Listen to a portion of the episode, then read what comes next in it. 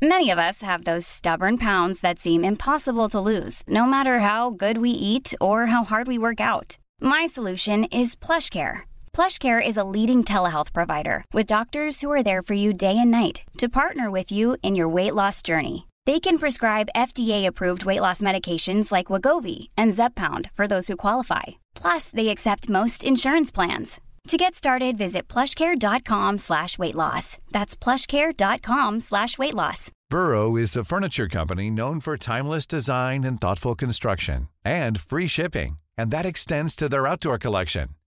Their outdoor furniture is built to withstand the elements, featuring rust-proof stainless steel hardware, weather-ready teak, and quick-dry foam cushions. For Memorial Day, get 15% off your Burrow purchase at burrow.com slash ACAST and up to 25% off outdoor. That's up to 25% off outdoor furniture at burrow.com slash ACAST. Systrarna Elvstrands hästpodd är producerad av Mediahouse by RF. Hej allihopa och varmt välkomna tillbaka till systrarna Elfstrands hästpodd. Och det här är avsnitt 77. Jajamän, jämna siffror den här veckan. Eller jämna och jämna, men sju och sju. Alltså ordet sju är ju nästan lite jobbigt att säga. Lite faktiskt. Men det här är podden som handlar om allt mellan himmel och jord när det kommer till hästar. Vi har fyra stycken egna hästar, alla storhästar i lite olika storlekar kan man ju säga. Och vi brinner verkligen för hästsporten jag och Emma. Det gör vi. Och vill ni veta mer om oss så kan ni lyssna på avsnitt 1 eller 56 där vi berättar mer om oss och våra hästar.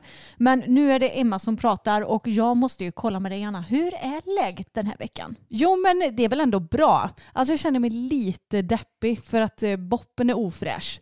Men eh, alltså rent kroppsligt, rent fysiskt så är det bra. Ja, men det är väl samma här. Vi båda har ju varit lite sjuka nu det senaste.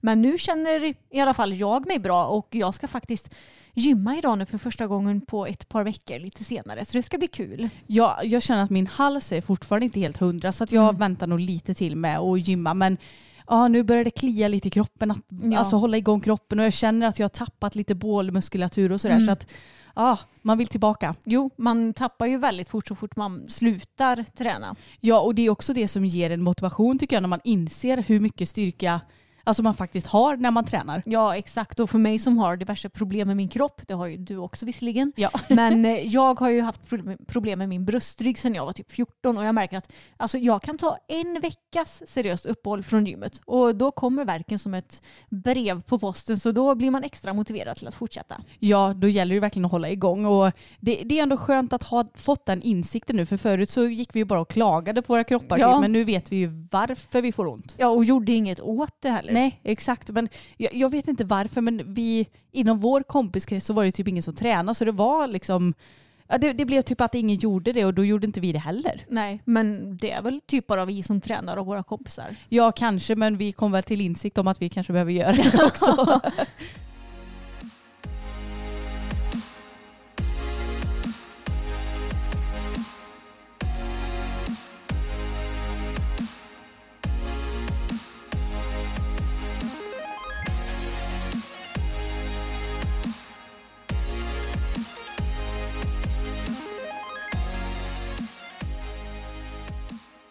vi, vi fick ta en liten eh, paus här för mamma kom upp och alltså Siri, din katt, är ju världens roligaste för att hon följer efter mamma som ett plåster.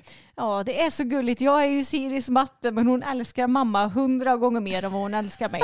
Ja men verkligen, alltså det är helt sjukt för att mamma hon behöver inte ens ha kommit innanför dörren så kommer Siri fram till dörren och hon hör väl antagligen när mammas bil kommer. Ja, För då sitter hon där och väntar och hon vet att hon typ alltid får godis och sånt av mamma. Ja. Så att eh, hon älskar mamma helt enkelt. det finns en anledning till att hon älskar henne mer än mig och ni ska se kärleken i Siris ögon när hon kollar på mamma. Det är som den här eh, memen Find someone who looks at you the way Siri looks at mamma. Ja men alltså hon är så mjuk och bara tittar med så här glittrande små ögon. Ja. Alltså det, det är så gulligt. Verkligen. Men okej, vi pratade ju, eller jag pratade lite grann i introt om att boppen inte var fräsch. Och alltså det känns lite tungt. Eh, vi har en veterinärtid bokad på måndag nu när vi spelar in och det kommer alltså ha varit igår när ni lyssnar på detta så vi får se hur det går då. Men det skaver verkligen i mig för att han har ju varit till och från lite ofräsch och det har ju ändå gått bättre när vi har behandlat honom med ekiopat eller Mm. våran ekiopat har kommit ut. Men det känns liksom jobbigt. Ja men han har liksom varit, varit knackig, sen har han fått behandling av Kristin, sen har det blivit bra. Sen blir han knackig igen så himla alltså, tätt inpå. Och jag känner att är det här liksom slutet för Boppens ridkarriär eller vad, vad är det som händer? För han är ändå 24 år och problemet är ju att han har ju väldigt kraftig shivering i ena bakbenet och Mm. det är det bakbenet som, eh, som det alltid blir problem med och som man alltid blir knackig i. Och jag menar det känns som att vi kan ju inte göra mer av vad vi gör med tanke på att han går på lösdrift och han har ridits regelbundet och allt vad det nu är. Men eh, ja, alltså alla hästar blir ju gamla så jag får helt enkelt se vad som sägs på Husaby.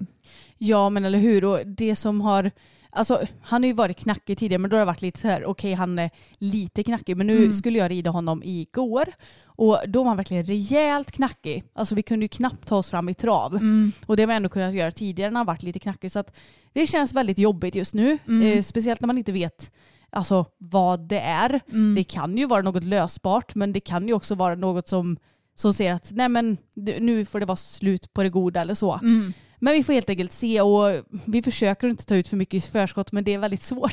Ja, vi är inte så bra på det för vi blir ju så känslosamma med våra kära hästar så vi båda, både du och, du och jag har ju tänkt massa katastrofscenarion nu det senaste. Ja, alltså jag är helt hopplös rent ut sagt på det. Mm. Bara grottar ner mig i dumma tankar och tänker så här på åh men tänk om vi måste ta bort honom nu och de andra hästarna kommer vara så himla ledsna och Mm. det blir ändringar i flocken och de kanske kommer gnägga efter honom när han inte är där. Mm. Alltså jag, jag är helt hopplös. Jag kan ligga och tänka så även på kvällarna innan jag ska sova så Ja. det slutar med att jag gråter mig till sömns. Typ. Ja, ja, men jag, det har varit precis likadant för mig.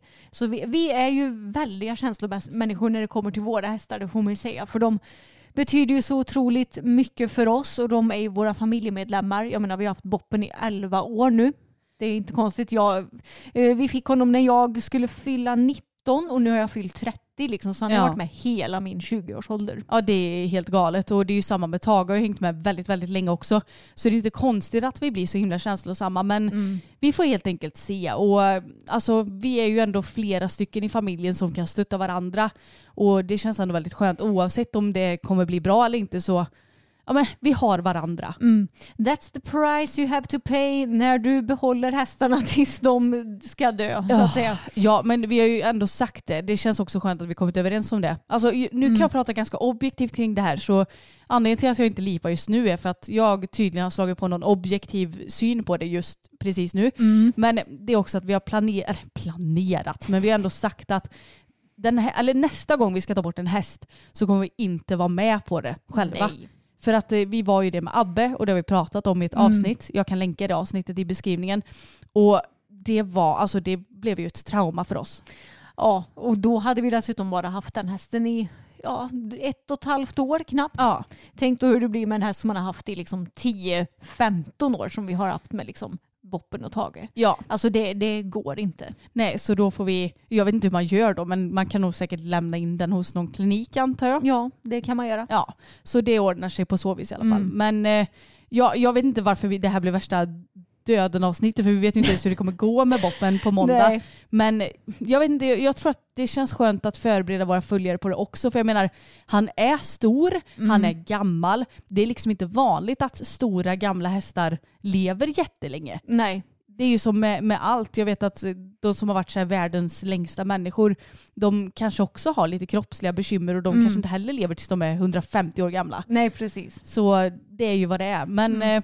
Då vet ni läget med Boppis i alla fall. Ja, vi får se hur det går med honom helt enkelt. Men eh, nu går han i hagen och jag tycker absolut inte att det ser ut som att han har- ont när han går i hagen. Utan man ser ju på hästarnas ögon om de har ont och han ser ändå glad ut och är liksom pigg och fräsch. Så det känns ändå skönt. Ja, det är bara att ridningen inte riktigt funkar just nu. Ja. Men vi håller tummarna för att det löser sig men eh, oavsett så ska det bli skönt att få reda på vad som är fel i alla Mm. fall på måndag. Och i vanlig ordning så får ni hålla utkik på vår Instagram för det här är ju förinspelat avsnitt nu nu blir det ju. Men eh, håll utkik på vår Instagram ifall ni undrar hur det gått med älskade Boppis. Ja, men Tage han mår i alla fall bättre efter sin lilla kottincident skönt nog. Ja men så himla skönt och grejen att vi tog ju av skon för att ja men ifall det blev någon hovböld eller ifall det satt något, någon kottrest där under som gjorde att han blev halt så kändes det skönt att ta av den.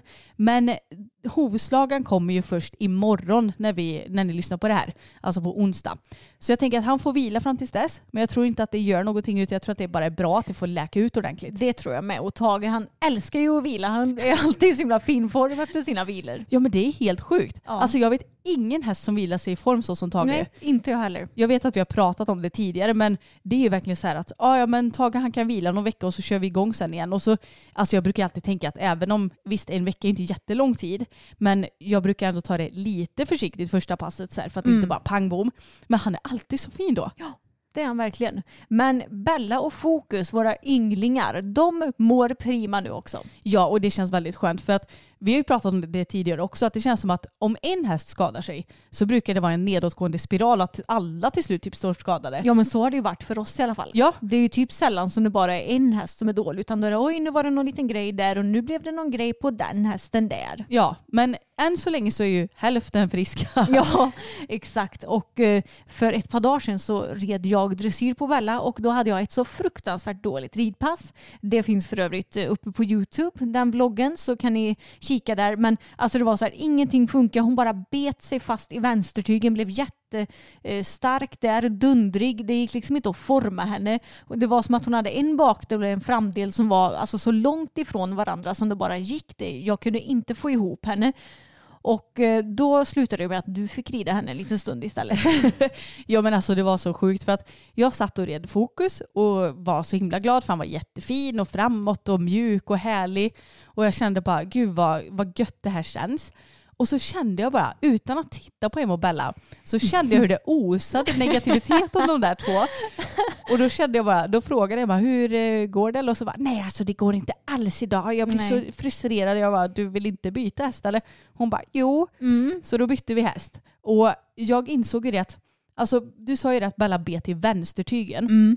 Och då tänkte jag så här, hmm, hur löser vi det här då? Jo, men då gör vi ju tvärtom. Vi släpper vänstertygen och så skänklar vi på med högerskänken. Mm. För att anledningen till att hon biter sig fast är ju för att höger bak inte riktigt jobbar på. Nej. Och att hon blir lite stel i bogpartiet kan man ju säga. Ja. Och då tänkte jag att ja, men då får vi ju få loss bogpartiet men inte genom att dra i vänstertygen för det ger Mm. ju ingenting. Nej, precis. Och det är klart att alltså, hon blev ju inte helt magisk i slutet men det blev ju väldigt mycket bättre. Ja, exakt. Och felet jag gjorde det var ju att jag eh, jobbade väl lite väl mycket med vänster skänkel eh, för att liksom försöka få henne att forma sig runt den när jag istället kanske skulle använt höger skänkel mer för att få henne att jobba på mer med sitt högra bakben. Men sen så vet jag ju om det här med att jag, ifall en häst biter sig fast i en tygel då ska du ju inte hålla tillbaka i den tygeln utan tvärtom så ska du släppa så att hästen tar ett bättre stöd på en annan tygel. Så det tycker jag ändå att jag är alltså ganska bra på. Sen kan jag ju kanske vilja ta lite ledande tygeltag och sådär ibland men jag är ändå noggrann med att lätta framåt. Men eh, jag drev ju lite med fel skänkel, det kunde jag ju konstatera. Ja men det är så svårt också när man känner att man kommer in i ett eh, alltså, vad ska man säga, dålig cirkel med hästen. Då är det så svårt att tänka utanför boxen. Man blir gärna väldigt eh, inrutad i så här ska jag försöka lösa problemet och så funkar inte det så försöker man ännu lite till i tio minuter till och så händer liksom ingenting vidare. Nej. Det blir svårt att tänka att ah, just det, ja, vi kanske ska prova att driva på med högerskänken istället. Ja, men det var så skönt för nu idag istället så red vi också dressyr två dagar senare efter det dåliga passet då. Och då gick det så mycket bättre. Och jag tror dels det beror på att ja, men jag fick lite mer input från dig som jag tog med mig upp på hästryggen idag. Drev mer med höger skänkel, försökte släppa vänster tygel ännu mer, sitta lite till höger så som du visade att du gjorde på fokus i videon för att lägga lite mer vikt på höger eftersom jag också gärna halkar åt vänster och även är tyngre i min vänstra sida av kroppen. Så då försöker jag kompensera lite grann. Och eh, nej men, det kändes väldigt bra på så vis. Jag kände att ridningen funkar men sen så tränade vi också mentalt för vår tränare Anna igår. Och eh, en sak som verkligen är viktig på Bella är att jobba henne mycket från marken för att få ridningen att fungera. För hon är ju en tryckkänslig häst som gärna går emot tryck och eh, jag märker på henne att hon blir så mycket enklare att rida när alltså, alla trycklekar eller vad man ska säga funkar från marken. Ja men det är ju verkligen det. Och det är så kul med när man, för nu har vi haft ett litet uppehåll för att det har varit ja, men stekhett och vi har inte Mm. riktigt orkat med att träna så mycket från marken och vi har inte riktigt fått ihop det med Anna heller. Och då är det så skönt att efter ett uppehåll verkligen så här, gud vad det här ger oss mycket. Mm, verkligen och nu har ju vi ändå tränat så pass mycket så även om vi inte har tränat för Anna nu på ett par månader så kommer vi ändå tillbaka så bra under en träning. Mm. Alltså i början på träningen så var kanske min och Bellas kommunikation inte riktigt den bästa. Men sen mot slutet så känns det ju precis som vanligt. Så det känns som att vi båda har ju det kvar i ryggmärgen. Det är bara det att jag måste få lite mer rutin på det också. Ja, exakt. Och Fokus var också jätte, jätteduktig. Och jag sa det till Anna att det som har funkat sämst den senaste tiden det är lastningen med honom. För att han, alltså det har ju tagit typ en timme att få, få honom på släpet hemma. Och, eh, och framförallt så går han ju inte på när transporten står på gårdsplanen. Nej. Och jag sa att han associerar ju säkert transporten i paddocken med lek och att det blir lite lättare att få på honom där. Men då sa vi det att ja men då får han stå kvar på gårdsplanen och så jobbar vi lite med det. Och det som Anna sa nu sist det var att fokus är väldigt tryckkänslig från sin mank, alltså mankpartiet på kroppen och framåt. Han är ganska fin med mage, rumpa, bakben men tryck som kommer manken och framåt tycker han är jättejobbigt. Och hur vi upptäckte det, eller hur det upptäcks, det är att när jag lastar på honom så är det oftast inga problem att få in mank och sånt där. Det går ganska bra. Men när jag ska backa ut honom så vill jag gärna backa något steg, be honom att vänta, backa något steg till, be honom att vänta. Och det går bra hela vägen fram tills att man kommer till mankpartiet för då backar han ut utan att tänka sig för egentligen för att han vill släppa det trycket. Så nu har vi insett det och nu vet jag om det och då kan vi också jobba på det. Men det som är allra svårast med fokus det är att jag inte, jag tycker det är lite svårt att läsa av när han blir lite nonchalant och jag tänkte säga nonchig, det, var Ja, jag blev- det blev konstigt. nonchalant eh, eller när han är lite osäker. Ja. Jag tycker det är väldigt svårt för han har nästan lite samma ansiktsuttryck när han är lite osäker och otrygg Mm. och när han blir nonchalant. Ja, han är faktiskt väldigt svår att läsa av. Mm. Bella hon är mycket mer enkel att läsa av i sina uttryck med både kroppen och ansiktet tycker jag. Men det måste ju vara för att hon är ju sällan osäker. Jo, det, det Hon är sant. väldigt självsäker. Ja, det är hon ju. Så det, det är lätt att se. Ja, för med fokus, ibland så kan jag ju behöva eh, Alltså ibland så kan jag behöva bli lite mer bestämd i mitt kroppsspråk att så här, nu går vi på transporten men ibland så är han ju osäker istället så att jag måste så här, så så gå fram och klappa lite, gå fram och visa min hand vid hans nos och så här och verkligen bara så det är lugnt, jag är här, du kan gå på transporten, det är ingen fara. Så det är svårt att veta vilken Anna jag ska vara. Den lite mer, alltså trygg är jag ju hela tiden givetvis, men den lite mer comforting eller den som är lite mer Bestämd. Yes, nu kör vi. Men eh, det är väl något som jag kommer lära mig till slut hoppas jag. Ja, men det tror jag säkert. Så får vi hoppas att de här lastproblemen kan försvinna också så småningom. Ja, det hade varit så skönt. Men Imal, du har ju faktiskt eh, fått sitta upp på fokus eftersom du blev lite frustrerad på Ja. Belsan. Eller, nu ska jag inte säga att du, du gjorde ju ingenting mot Bella. Jag kände bara Nej, att det nej. osade negativitet. Ja, och eh, jag, jag kände att jag inte kunde lösa det. Ja. Så jag blev frustrerad på mig själv och situationen kan man ju säga. Exakt. Men då tänkte jag att då kan vi byta häst och så sa jag det, ja nu har jag ju dressyrsadeln på så det kanske inte du tycker är så kul. Men jag kände det när jag red Bella att då osade istället en massa glädje och hjärtan om er två. Det gjorde det. Han var så rolig och eh, jag märker ju på honom att han bara blir bättre och bättre. Nu var det ett litet tag sedan som jag red dressyr på honom. Jag har ju ridit ut på honom någon gång det senaste, men inte just dressyr. Och eh, i ridhuset så behöver man ju aldrig oroa sig för att flyga av heller, vilket jag gjorde förra gången jag red dressyr på honom va? Ja, vad, det var när jag hade skadat knät va? Ja, exakt. när, han, när han gick jättefint men lyckades kasta av mig en gång ändå under passet. Men det behöver jag ju aldrig oroa mig för i något ridhus för där finns ju inte några läskiga fåglar och så vidare att bli rädd för. Exakt. Så det är väldigt skönt. Men eh, ja, för det första så lyckades jag ju rida i dressyrsadeln utan att klaga på den. Ja, men tyckte du att den var bra nu eller? Ja, alltså bra och bra. Jag trivs ju bättre i hoppsadel men den funkade. Och jag vet att jag kortade ju lädren något hål ifrån dig för att jag är inte van vid att rida med så himla långa läder. Men det kändes nästan som att jag kanske skulle kunna ha ridit med något hål längre ändå. Ja, du får prova nästa gång. Mm. Och alltså, det är ju alltid så att har du ridit mest i hoppsadel, jag menar hur många gånger har du suttit i dressyrsadel i år? Typ en? En. Ja, då är det ju inte konstigt att du tycker att det känns lite weird att sitta i dressyrsadel. precis. För jag tycker ju aldrig att det känns som att jag får plats i dressyrsadlar. Nej men det tror jag nog bara är en känsla du har. För du, Mm. tyckte, du kände väl ändå att du kom om med benen och så eller? Ja, ja, det Mm. gjorde jag. För det är skönt för jag tycker att en del dressyrsadlar känns som att benen, jag vet inte, de, man Mm. sitter typ i split eller någonting. Ja, men det är väl sådana som är för breda i midjan för en va, tror jag. Ja det kan det nog säkert vara. Mm. Men jag tyckte det såg jättefint ut för er. Ja, men det, han var riktigt fin. Jag tyckte han var så mycket mer stabil och mjuk och eh, bättre i formen. Vi lyckades få till väldigt bra eh, förvändgalopp också tycker jag. Mm. Så det var roligt. Och, nej, men han var bara så himla rolig och framme för skänken. Jag har ju tyckt att han har varit lite liksom seg och inte sådär jättepositiv alla gånger förut. Men nu var han väldigt så här pigg och framåt och härlig. Så nej, det var superkul och det kändes som att jag tog verkligen till mig av det som du fick reda på efter din träning med Johan också. Att jag skulle sätta mig lite grann till höger i sadeln till exempel. För att återigen, det som jag pratade om med Bella, kompensera att både du och jag är lite snea och att eh, våra hästar, de är inte heller helt raka så att man hjälper dem på det viset. Ja och det är ju kul att du har fått ut någonting av min träning så egentligen Ja. borde jag ju få en swish av dig. Nej, Ja, jag kan swisha dig 100 kronor för de nya kunskaperna. Nej men det var Nej. kul för jag märkte verkligen skillnad på honom när jag satte mig lite annorlunda i sadeln. ja, men vad fick du för annan känsla då tycker du?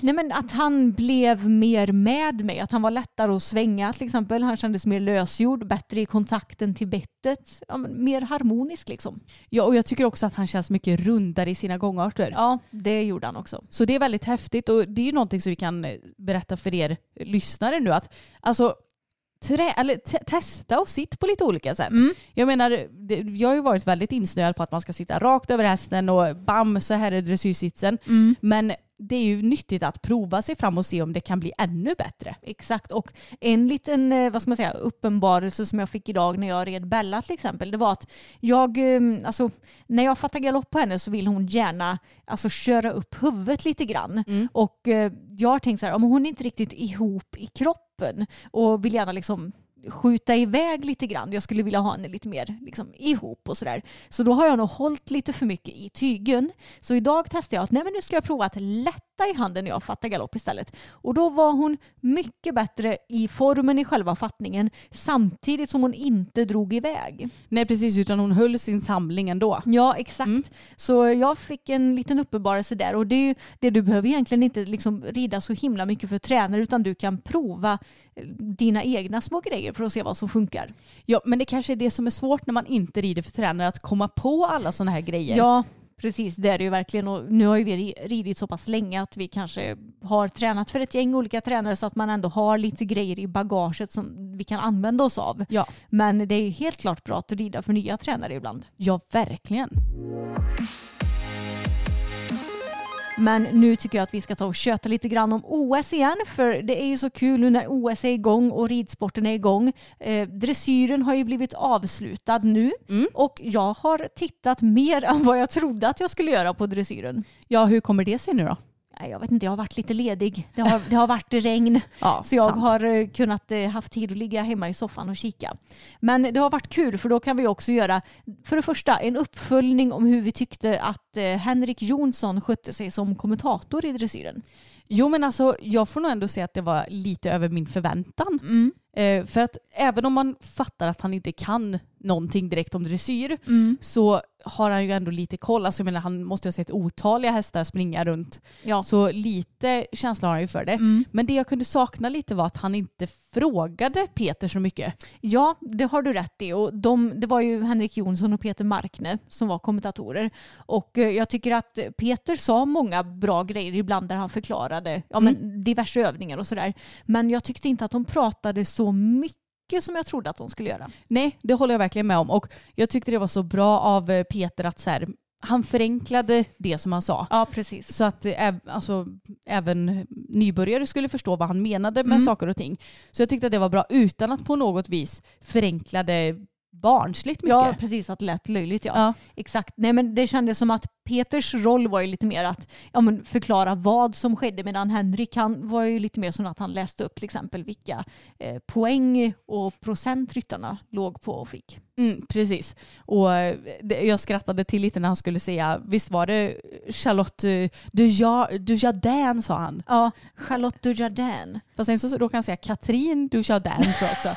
Jag bara nja nu blir det fel. Men det kan bli fel för vem som helst så det säger jag ingenting om. Nej. Men eh, återigen så måste jag säga att jag blev väldigt besviken på själva eh, vad säger man, inte tv-produktionen, men Mm. det var ju liksom så himla dåligt att det inte var några livepoäng överhuvudtaget. Mm. Det tycker jag alltid är intressant för det brukar det ju vara normaltvis väl? Ja, man, ja, det är inte helt ovanligt i alla fall. Nej, för jag, jag vet att på något mästerskap, under om det var EM sist kanske, Mm. så såg man ju så här att så fort de fick någon lite miss, ja det var ju framförallt så fort de kom till skritten Ja, allihopa, precis. Så såg man bara pang så ramlade de ner Mm. massa procent. Japp. Och det är tråkigt att inte det live-uppdateringen sker för då Mm. blir det ju lite mer spännande och lite mer sportsligt. Ja, det har du rätt i. Och sen så också när Therese Nilshagen skulle rida sin kyr, då hörde ju inte vi tittare musiken i typ så här hälften av programmet. Nej, alltså jag fick lite panik och jag bara, men gud, har, har inte de heller någon musik? Men så tänkte jag, hon är ju inte dum så hon vinkar, vinkar när hon vill att sin musik ska starta och den inte startar och så rider hon in ändå. Det Ja. fattar jag ju egentligen. Men då hade ju ljudet försvunnit ungefär halva programmet. Mm. Så det var lite teknikstrul och det kan det ju bli. Alltså det är ju teknik, det går ju inte alltid felfritt. Nej. Men jag tyckte det var lite tråkigt, framförallt att man inte såg så mycket ja, men live-procent och sådär. Mm. Ja men det håller jag med om. Men det var ju kul att det gick bra för eh, de svenska tjejerna i alla fall. Ja men det var roligt. Mm. Och jag älskar ju verkligen Dante. Ja. Jag tycker han är så fin. Ja, som vi pratade om i förra avsnittet. men på tal om Therese och Dante så var det, jag såg någon så ja, men, fin kommentar på Instagram som jag håller med om och det, det var ungefär så här stod det. Ifall allt hade stått rätt till med dressyren så hade Therese fått mycket mer poäng och vissa andra mycket mindre poäng. Ja, men det är ju det här som är tråkiga utvecklingen med dressyren som vi har pratat om ganska många gånger. Mm. Men jag måste säga att jag tycker nästan att det såg lite bättre ut nu mot vad jag vill minnas att det har sett ut förut. Ja, men de kanske har eh, utvecklats. Ja men tiden. kanske. Mm. Men om vi ska vara lite positiva då så tyckte jag det var väldigt kul att Jessica von Bredow Werndl vann. För där kan man ju snacka om en häst som går trevligt, en ryttare som rider otroligt trevligt. Hästen gick i en ja, men bra ändamålsenlig form, alltså större delen av eh, programmet. Ja, man såg ju att hennes mål var att hon skulle ha ordentligt med luft mellan ganachen och halsen. Mm. Och det, det tyckte jag hon fick till ja, men större delen av programmet som ja, du säger. Alltså Mm. nacken som högsta punkt, nosen på lodplan eller strax framför och den rörde sig väldigt fint genom kroppen, såg harmonisk ut. Nej, alltså så himla kul att se att det verkligen belönade sig också. Mm. Och, nej, det var så fint. Och någonting som jag reflekterade över när hon red, det var att jag tyckte att hon red med dels längre tygel generellt än vad de andra red med, men sen så var också hennes eh, tygen som gick till stångtygen, den var väldigt lös. Ja, alltså den glappade ju typ. Mm. Och det tyckte jag var jättekul att se för då innebär ju det att hon i princip rider på bridongen bara Mm. och kan låta stångtygen bara hänga. Och det innebär ju också att hon inte sitter och håller stenhårt i sin häst för att det tycker jag ju tyvärr att man ser ett gäng ryttare som håller stenhårt i sin häst. Man ser Ja. att stångtygen är högt vinklad uppåt mot handen eller vad man ska säga. Mm. Och att de ser ut som att de väger tre ton för att de blir så tunga. Alltså det ser ut som att de har så mycket vikt i handen. Mm. Och det är ofta de ryttarna som rider med väldigt kort tygel tycker jag. Som Mm. Där hästarna ser väldigt starka ut och där hästarna eh, oftast också då är oroliga i munnen. Och jag tycker också att, eh, ja men om vi tar eh, Jessica då som exempel som red med lite längre tygel. Hon hade ju mycket bättre rum mellan ganachen och halsen. Mm. Alltså du vill ju i det utrymmet där på hästen att det ska se ut som ett U. Men på nästan alla hästar på den högsta nivån så ser det ju snarare ut som ett V. För att de går för ihopknökat eller vad man ska säga. Ja men precis, det finns inget rum nästan mellan ganache Nej. och hals. Exakt. Men jag tyckte det var lite kul för jag tror att det var Peter som sa det att ja, Jessica hon vågar rida på lite längre tygel Mm. och eh, eh, ja, men lita på att hästen går där ändå. Jag kände bara Mm. Vågar, alltså det är väl så här det ska vara. Ja men han sa ju också det att när Jessica, eh, när hon ska till exempel samla en häst, då, han sa det, hon tar nästan ingenting i tygen utan hon bara samlar för sätet. Hon lättar lättar eh, snarare i handen Mm. när den ska samlas. Och det är egentligen så det ska vara. Men jag tycker eh, alltså på många ryttare som jag har kikat nu på dressyren, till exempel i ökningarna, eh, ja, då ökar väl hästen ganska bra. Men sen i upptagningarna så ser det ut som att de alltså, får dra ganska så hårt i tygen bakåt. Hästen lägger sig snarare på bogarna än att samla sig på bakdelen och det ser så kämpigt ut. Till skillnad från Jessica då, som rider där på med en mycket mjukare hand och som samlar mer för sätet. Nej, det var, alltså, hennes eh, ritt kan jag verkligen rekommendera att kolla på om man vill ha lite så här så här ska det se ut. Ja men jag håller med. Har man missat OS men ändå vill se någonting så bör man ju verkligen se Jessicas ritt. För att ja, jag tyckte det var väldigt trevligt. mm, det tyckte jag med. Och eh, jag älskar också Charlotte Dujardins, alltså Dujardins häst. Mm. Den är så gullig. Ja. Och jag sa det till Emma att Alltså även fast det inte ser ut som Tage Mm. så blir jag ju lite partisk för att den, den har ju lite samma teckning som Tage. Mm. Även fast den har eh, en smula mer eh, potential och är en smula biffigare. ja, och en smula mer orange också. Ja precis. Men väldigt söt och kul också att eh, Charlotte fick eh, en medalj för att Mm. vi vet ju alla hur bra hästhållning hon och Karl Hester har. Mm. Så det är roligt. Men jag tänkte på det också med dressyren att det är liksom nästan inte ens spännande att kolla på för du vet redan från början till 100% säkerhet att Tyskland kommer vinna lagtävlingen. Ja. Sen så är det ju lite mer öppet med de andra placeringarna men vi vet ju alla vilka som kommer vinna lagtävlingen och det individuella för det finns ju ingen som kan slå de tyska ryttarna. Nu var det ju antingen Jessica eller Isabelle då som var i toppen. Så det blir liksom inte så spännande för du vet ju ungefär redan hur det kommer gå. ja, det är ju mest så här, vem får tredje placeringen? Ja.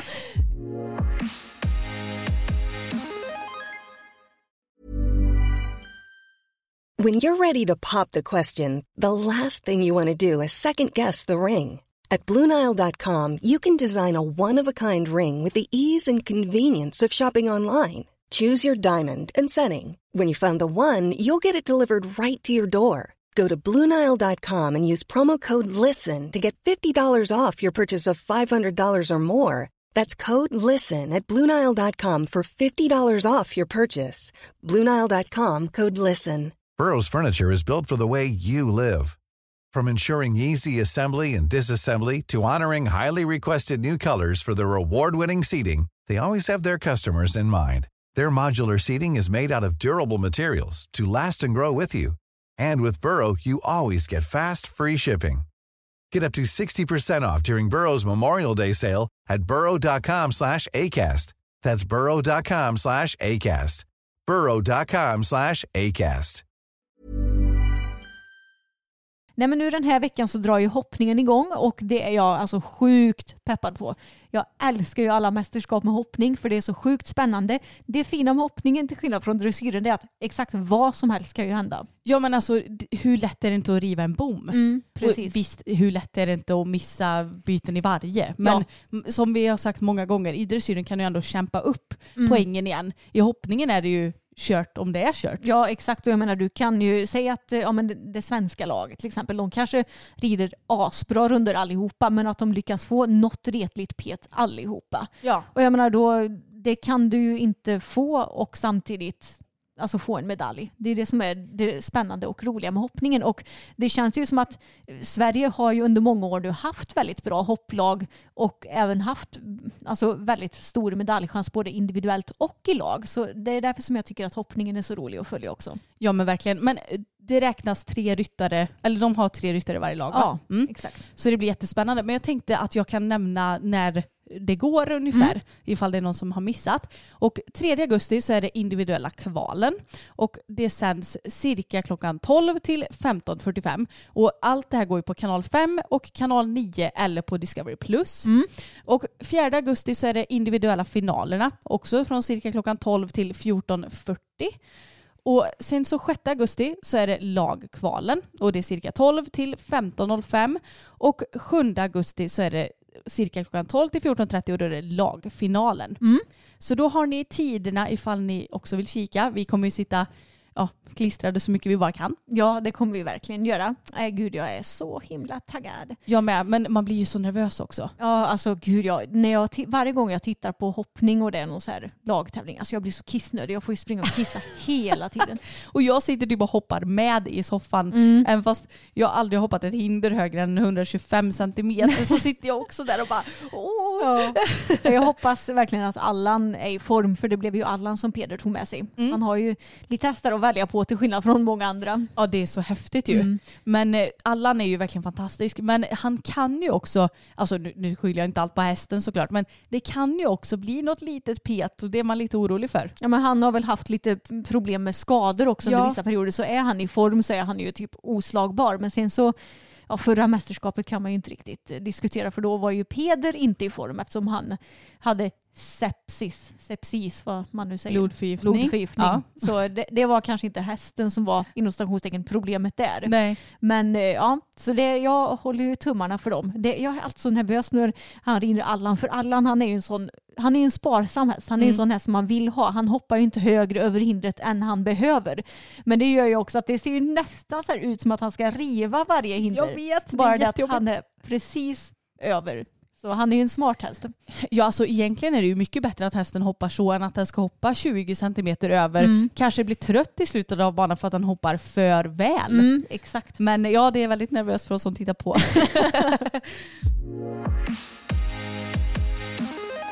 Okej, jag bad er att ställa lite frågor på Instagram ifall vi hade lite glest om ämnen i det, här, i det här ämnet, i den här podden. Och det har vi väl inte. Men jag tänkte att vi kan avsluta med ett par frågor ändå. För att det är kul tycker jag. Och eh, det är en som har frågat här, kan ni berätta om er sämsta tävling? Har du någon sån Emma? Ja, Jag tänkte säga det, man måste väl ha många dåliga tävlingar. Men jo, men nu kom jag på en. Det här var ju väldigt, väldigt länge sedan och det var, jag tror bara det var en klubbtävling. Men det var ju med vår första häst Bohun och så skulle jag rida. Säkert någon lätt C eller lätt B eller sådär. Mm. Och jag fick honom inte ens in på medellinjen för att han vägrade gå ner till, är det A som vänder upp? precis. Precis, så vi kunde inte ens starta programmet för att han vägrade gå dit. Ja, men alltså, jag, jag minns hur förbannad du var Alltså efteråt. jag var så arg, jag bara hoppade av och så sa jag till pappa ta hästen så att jag kunde gå därifrån och liksom typ skrika eller något sådär för att jag var så jävla arg. Nej men alltså det måste ju vara min sämsta tävling att jag inte ens kunde komma till start på en dressyrtävling. Ja, jo men det, det måste det ju absolut vara. Mm. Undrar vilken minne, alltså jag kommer inte på någon på rak arm. Men det har ju varit ett gäng starter som, eh, som man typ har gråtit efter dressyren för att ja, men Tage har varit seg och jag har ridit dåligt och, och sådär. Men hmm, kommer du på någon Emma? Nej. Alltså jag har ju utgått från tävling två gånger med Tage för att han har varit så himla seg. Mm. Men den ena gången så hade jag ju typ sex och en halv, sju år. Ja, så du, om du hade fortsatt hade du ju blivit placerad. Så det, det såg ju bättre ut än vad du kände. Men jag förstår, alltså jag som kände Tage såg ju att han var seg som sirap. Ja, och jag kände det att var det lätt B vid det då? Mm. Ja det var det. Och jag kände när, när han knappt fattade galopp, jag bara alltså på riktigt det här går inte. Men jag, jag skulle nog ändå inte säga att det är vår sämsta tävling. Nej. Nej, jag, jag kan nog inte säga någon, men jag har haft ett gäng riktigt dåliga. Ja. Alltså till exempel, ja, jag får väl säga en som var riktigt dålig för att det berodde ju på att jag var dum som glömde att spänna sadeljorden. ja, just det. Och den här var också riktigt pinsam, så här får vi så här pinsam och dålig tävling i samma. Mm. Min absolut första lokala hopptävling skulle jag rida på bästa ridskolehästen Gideon. Och han var så trygg och härlig och vi hade ridit grundomgången och det gick hur bra som helst. Så vi gick vidare till omhoppning. Och så mellan sista hindret och eh, mål, nej var det mellan de två sista hindren i omhoppningen Ja. tror jag. Ja, då har jag ju glömt spänna sadeljorden. Så jag känner hur jag svänger och inte hästen. Bara what the fuck. Då har jag glömt spänna sadeljorden så jag åker runt och trillar av Mm. mellan näst sista och sista hindret i omhoppningen. Ja. Hade jag bara hållit mig lite stabil lite till så hade vi kommit runt banan. Japp. Och jag tror att vi var ganska snabba också. Mm. Så att vi hade nog blivit placerade. Nej men då åker jag av istället. Ja. Så att eh, det var ju inte riktigt jättebra. Nej. Vi har fått en fråga ifall vi supportar LGBTQ, HBTQ plus eh, rörelsen eller vad ska man säga? Ja. Och självklart, alltså det är, egentligen är det här en icke-fråga för mig för att jag tycker att alla ska få vara precis den de är och man ska få älska precis vem man vill. Ja, alltså jag tycker inte att det borde ens vara någon fråga som du ska behöva ställa till någon för att det ska vara en självklarhet tycker jag. Ja, men det tycker verkligen jag också. Och när vi ändå är inne och pratar om just eh, det här så måste jag bara rekommendera Young Royals på Netflix. Mm. För eh, ja, alltså det är en helt fantastisk serie som verkligen visar problemet med eh, att samhället kanske inte riktigt accepterar, ja men i det här fallet är det ju gay eh, par. Och alltså världens mysigaste serie, man blir ju typ kär i huvudkaraktärerna. Alltså. Ja, de är så bra. Ja, verkligen. Så tips eller tips om ni vill ha tips på en bra serie. Är Emma fortfarande genuint intresserad av alpackor? Ja, alltså lätt. de, de är ju så, jag hade lätt velat ha alpackor här hemma också. Ja, alltså jag var ju lite rädd för dem. Vi har ju Mm. precis lagt upp en eh, video från din födelsedag Emma. Så den kan vi länka i beskrivningen till det här avsnittet. Men eh, jag tycker att det är lite obehagligt med djur som man inte riktigt kan läsa alla signaler och sånt Jo, på. jag vet, men jag sa ju det till alla, men Anna, de väger ju lika mycket som en människa. Man kan ju brotta ner dem i värsta fall.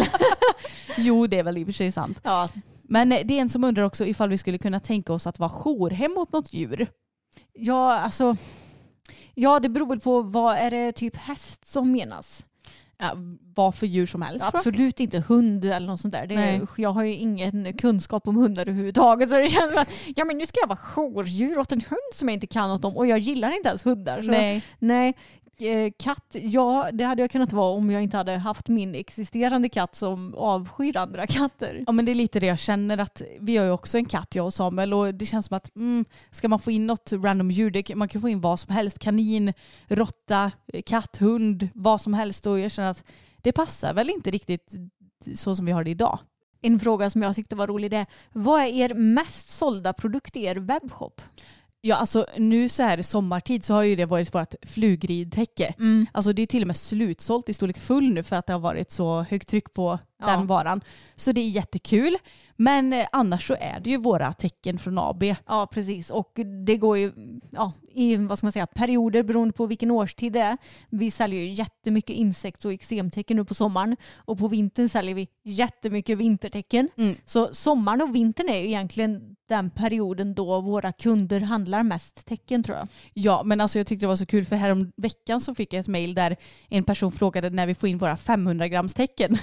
och jag tyckte det var så kul för att eh, hon undrade väl för att hon, eh, ja, men hon skrev att era tecken är bäst och jag vill verkligen ha ett 500 grams täcke. Och det, jag tyckte bara det var så kul för att en annan kanske börjar tänka på så tjocka tecken när det är liksom september, oktober någon gång. Men hon var ute i god tid. Ja men verkligen. Ja, men det, det vet man ju vissa också i, på vintern som frågar om våra eksemtecken och eh, flugtecken. Ja, så det är ju inte så konstigt att man, man funderar väl på det. Ja, och vi får ju ibland lite frågor om vad vi tycker om ja, men vissa andra offentliga personer inom ridsporten. Men alltså, vi känner ju i princip ingen annan så vi kan ju inte svara på vad vi tycker om personen i fråga. För jag känner, du kan ju inte svara vad du tycker om person utan att faktiskt känna den personen. Nej men precis, vi får flera frågor om diverse influencers inom ridsporten och så. Och vi, alltså vi kommer aldrig att svara på någon sån fråga för att dels så tycker jag att det är, alltså vad ska vi säga? Ja. I synnerhet när vi inte känner personen men oavsett om vi känner personen eller inte så blir det väldigt konstigt att så här, ja men vad tycker du om den? Mm, ja, exakt det håller jag med om. Så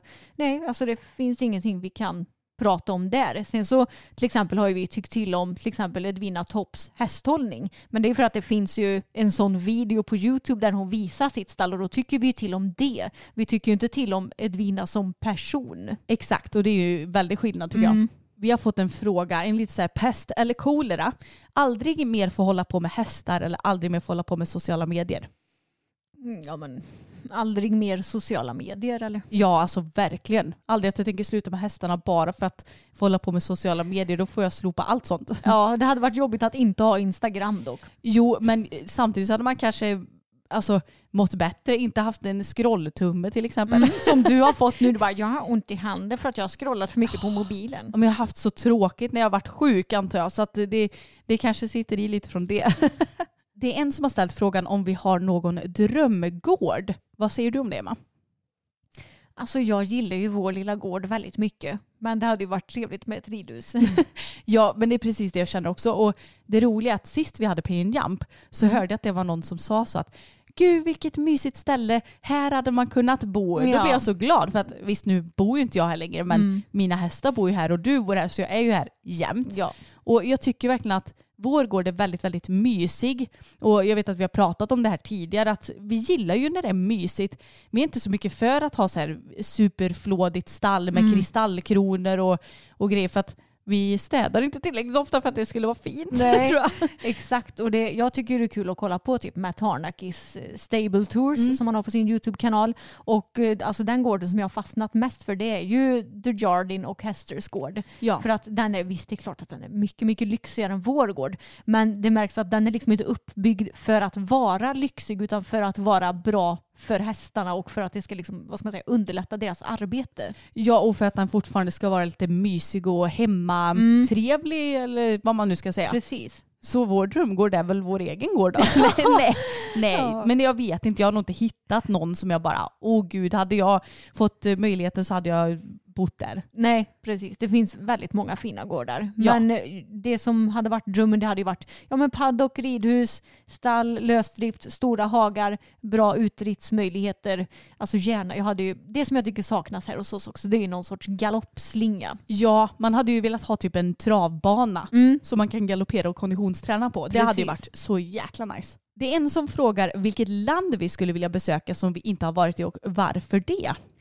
Åh, svår fråga. Alltså, vi är ju inga resemänniskor riktigt. Nej, och jag känner lite att av de länderna jag har varit i så är ju Kroatien det absolut finaste landet jag har besökt. Mm. Men det är klart att man har ju sett lite så här filmer från typ Maldiverna, Ja. eh, Bora Bora, eh, Mm. Bali. Det ser ju väldigt fint ut. Mm. Men samtidigt så har jag lite dålig koll på hur det är där. För jag personligen skulle inte vilja åka till till exempel Thailand. För Mm. att jag vet att de människorna har det inte så himla bra där. Eller typ Dubai och sådana. Nej, precis. För att eh, någon form av människosyn tycker jag ändå att landet jag åker till får ha. Mm, precis, ja. Jag är inte jätteinsatt heller med vilka länder som har eh, bra vad ska man säga, människosyn. Men jag vill ju helt klart skulle vilja åka till något varmt och tropiskt härligt land. Mm.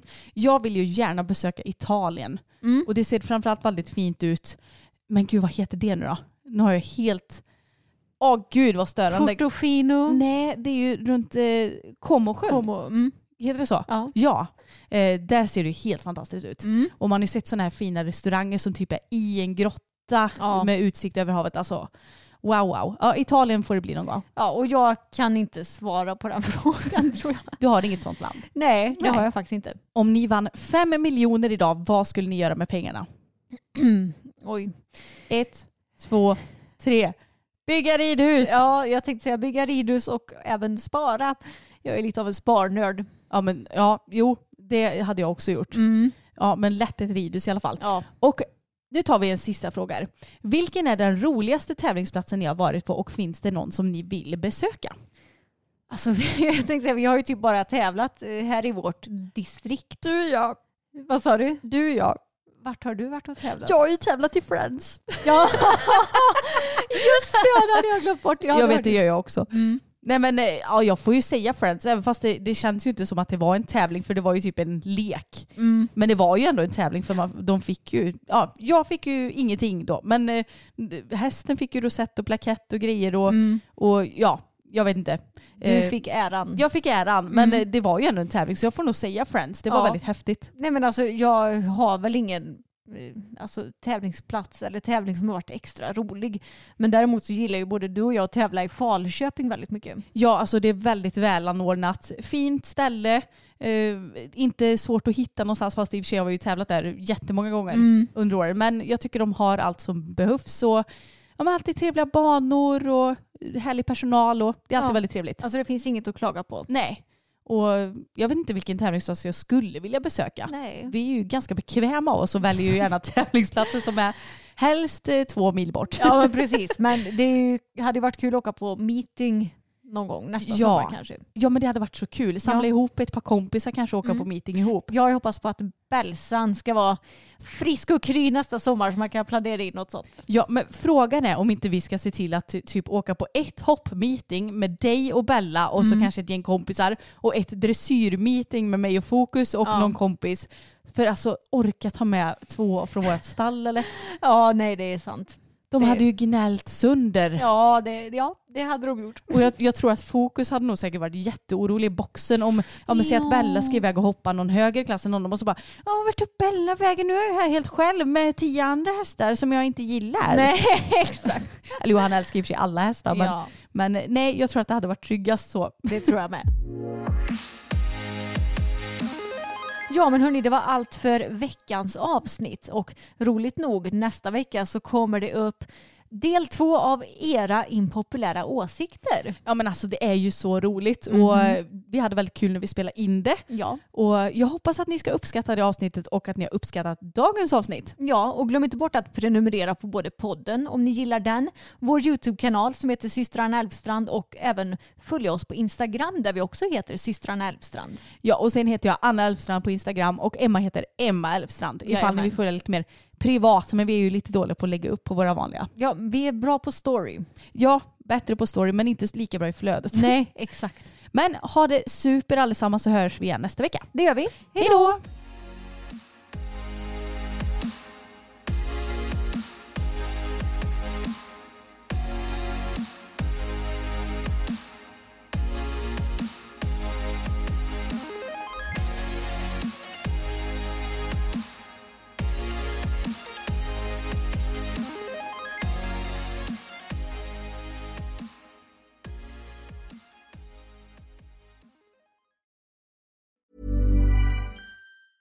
A lot can happen in three years, like a chatbot may be your new best friend. But what won't change? Needing health insurance. United Healthcare Tri Term Medical Plans, underwritten by Golden Rule Insurance Company, offer flexible, budget friendly coverage that lasts nearly three years in some states. Learn more at uh1.com. Mom deserves the best, and there's no better place to shop for Mother's Day than Whole Foods Market. They're your destination for unbeatable savings, from premium gifts to show-stopping flowers and irresistible desserts. Start by saving 33% with Prime on all body care and candles. Then get a 15-stem bunch of tulips for just $9.99 each with Prime. Round out Mom's menu with festive rosé, irresistible berry chantilly cake, and more special treats. Come celebrate Mother's Day at Whole Foods Market.